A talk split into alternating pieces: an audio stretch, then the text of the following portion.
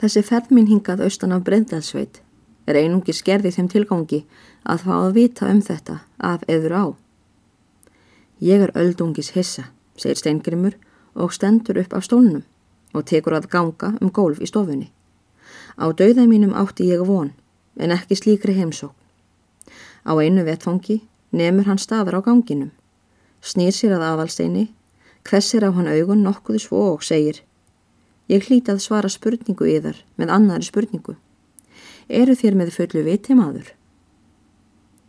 Í stað þess að svara let aðalsteinn höndin að síga með hægð niður í vasa sinn og dró upp litla baukin sem hann hafði fundið í græna kislunum og skrúfaði af honum lokið. En á meðan gekk steingrimur rætt um gólfið og hafði upp fyrir munni sér sömu orðin sem fyrr. Já því er fljótsvarað maður minn Það kom mér síst til hugar. Ég er með öllu forviða og hristi hann úr höfuðið um leið. Aðalstein þagði við þessu en tók gullbögin upp úr viðaröllinni, rétti að steingrimi og mælti. Geti þér ekki heldur kannast við þennan ring? Steingrimur settist niður aftur og mælti nokkuð kaldranalega. Hvern dýrgrip síni þér mér þar og tók við ringnum um leið. Hann skoðaði hringin og velti honum fyrir sér og mælti. Nei, aðalstein, nei. En í sama byli sá hann stafina SR einan í hringnum og leiði mér hjá oss að lýsa svip hans og yfirbræði á því vettfangi sem hann sá og kendi stafina og rangaði við hringnum. Hann mælti ekki orð frá munni en starði á hringin og stafina. Engin blóðudrópi var sínilegur í andliti hans. Loksins tók hann þó til orða og mælti með óstyrkri rödd. Hvað hétt móðrið þar? Anna, svaraði hinn með fastri rödd. Steingrimur þagnaði aftur og gati ekki slítið augun frá hringnum. Hann síndist hafa mikið að hugsa. Loks flegði hann þó hringnum á borðið nokkuð kvallega og mælti. Nei, margt kann öðru líkt að vera og ég kannast ekki við þennar hring. Síst að svo stöttu. Þér þurfið vist að koma með aðrar jarteknir en ringin þann arna. Það má búa til marga ringi að borð við þennan og stóð steingrimur nú upp aftur og tók að ganga um gólfið. Aðalsteini brá við sem snokkvast er steingrimur flegði ringnum en áttaði sig þó bráðum aftur og mælti með hægð. Ég get nefnt yfir grænan kistil líka með tvöföldum botni. En hefði hægt verið að steingrimi breyði við meira en áður. Þá var það nú, er hann heyrði kistilinni nefndan. Hann namn staðar og starði á aðalstein, orðuleus með öllu. Í þessu byli heyrist fótaburður frammi í stofugöngunum. Er yngi myndur þar á ferðinni og er nú komin frá hestunum aftur. Jafn skjótt sem hreiftir við stofuhörðinni tekur steingrimur viðberagð, hleypur fram að stofudýrónum og í flasið á yngimundi og segir Við skulum koma upp á loftingimundur minn og með það hverfa þeir báðir fram úr stofunni og hlaut ingimundur þannig nauðugur viljugur að setjast upp á baðstofuloft fjari samtali þeirra aðalsteins. Þessa stund satt aðalstein einsamall í stofunni. Við og við heyrði hann hóstan og stunurnar ofan af loftinu og var aðalstein farin að ímynda sér að steingrimur hefði sjúkling á heimilinu. Hann heyrði þetta hljóð því glögg var að nú sem hljótt var í stofunni og gat sér til að sjúklingur þessi myndi einkum þjáður fyrir brjóstinu.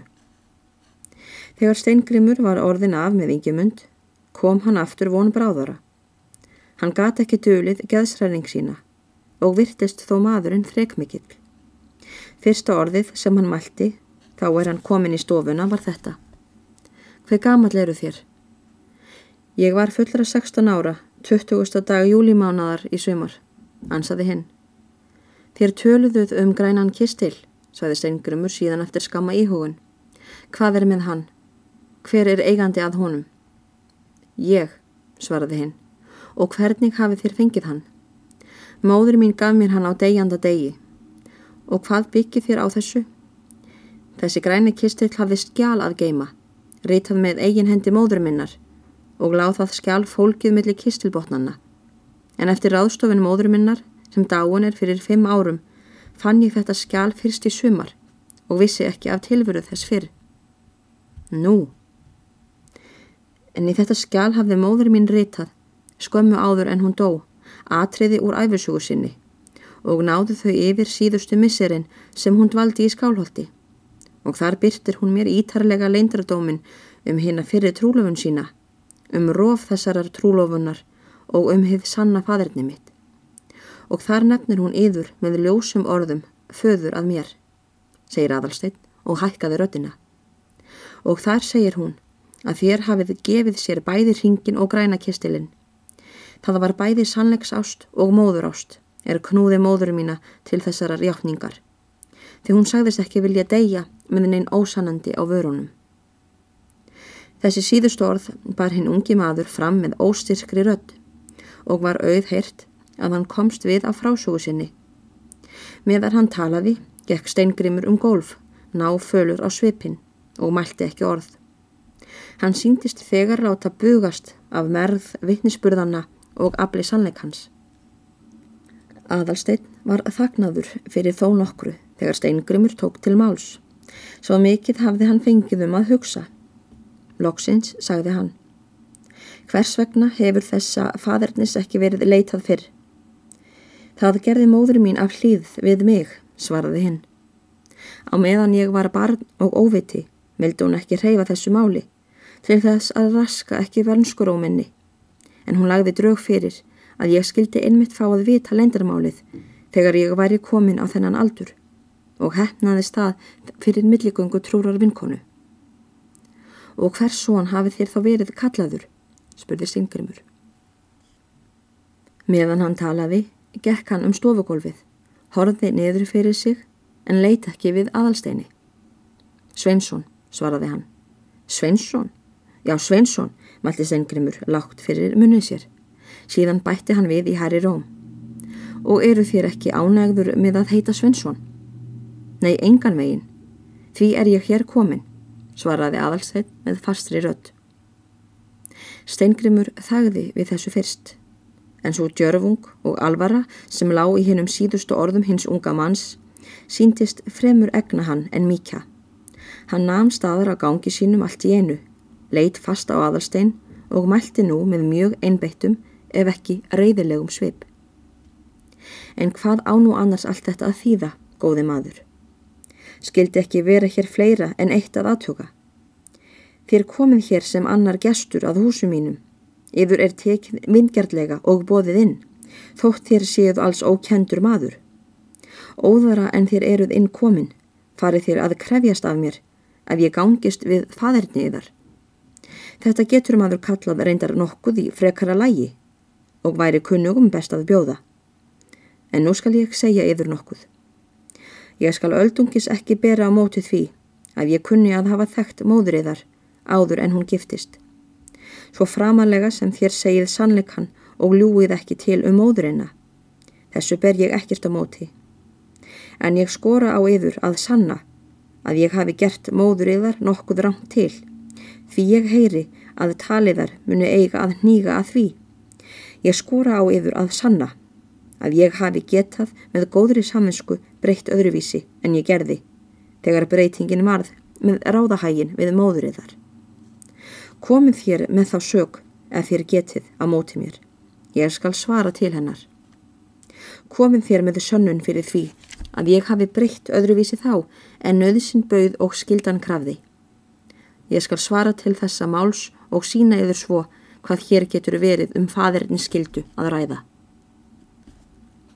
Þetta talaði Steingrimur í ákafri geðsræring og málrómi eftir því. Hann var orðin rjóður í andliti. Síðan þagnaði hann, vatt sér kvallega til liðar og tók að ganga um gólf aftur snúðugt. Aðalsteinn sat á legobeknum og tók með aðtikli eftir hverju orði hjá Steingrimi. Honum brá minna en væntamátti við hinn gremjulegu orð steingrims og málróm. Hann svaraði með mestu hóværð og gætni. Nei, vinnur minn, segir hann. Hér er ekki að ræða um sakargiftir gegn yður. Kvorki frá minni hálfu og því síður frá hálfu móður minnar sálugu. Það er allt öðrum orðum að farið um yður, bæði í því skjali hennar sem ég nefndi og svo í ljóðmælum hennar, sem minnast yfir öll á einn veg. Móðri mín hefur kveðið upp með ljósum orðum að hún hafi hlotið að meta mikils þar kvatir sem þér höfðuð til að segja skilið við hanna og hefur hún kent það allt öðru en yður en einkannlega hörmulegu óláni sjálfra sín. En aldrei hefur hún getið yðar til neins annars en drengskapar og dánumensku. En hittir það, hún vildi láta sannleikan njóta réttar síns eins og við er eigum allir að vilja og hún þóttist þekki yfir að því að þér mynduð ekki ganga frá sannleikanum eða útskúfa einu barni sem þér eruð faðir að og sem engan á að í heiminum nema yfir einan.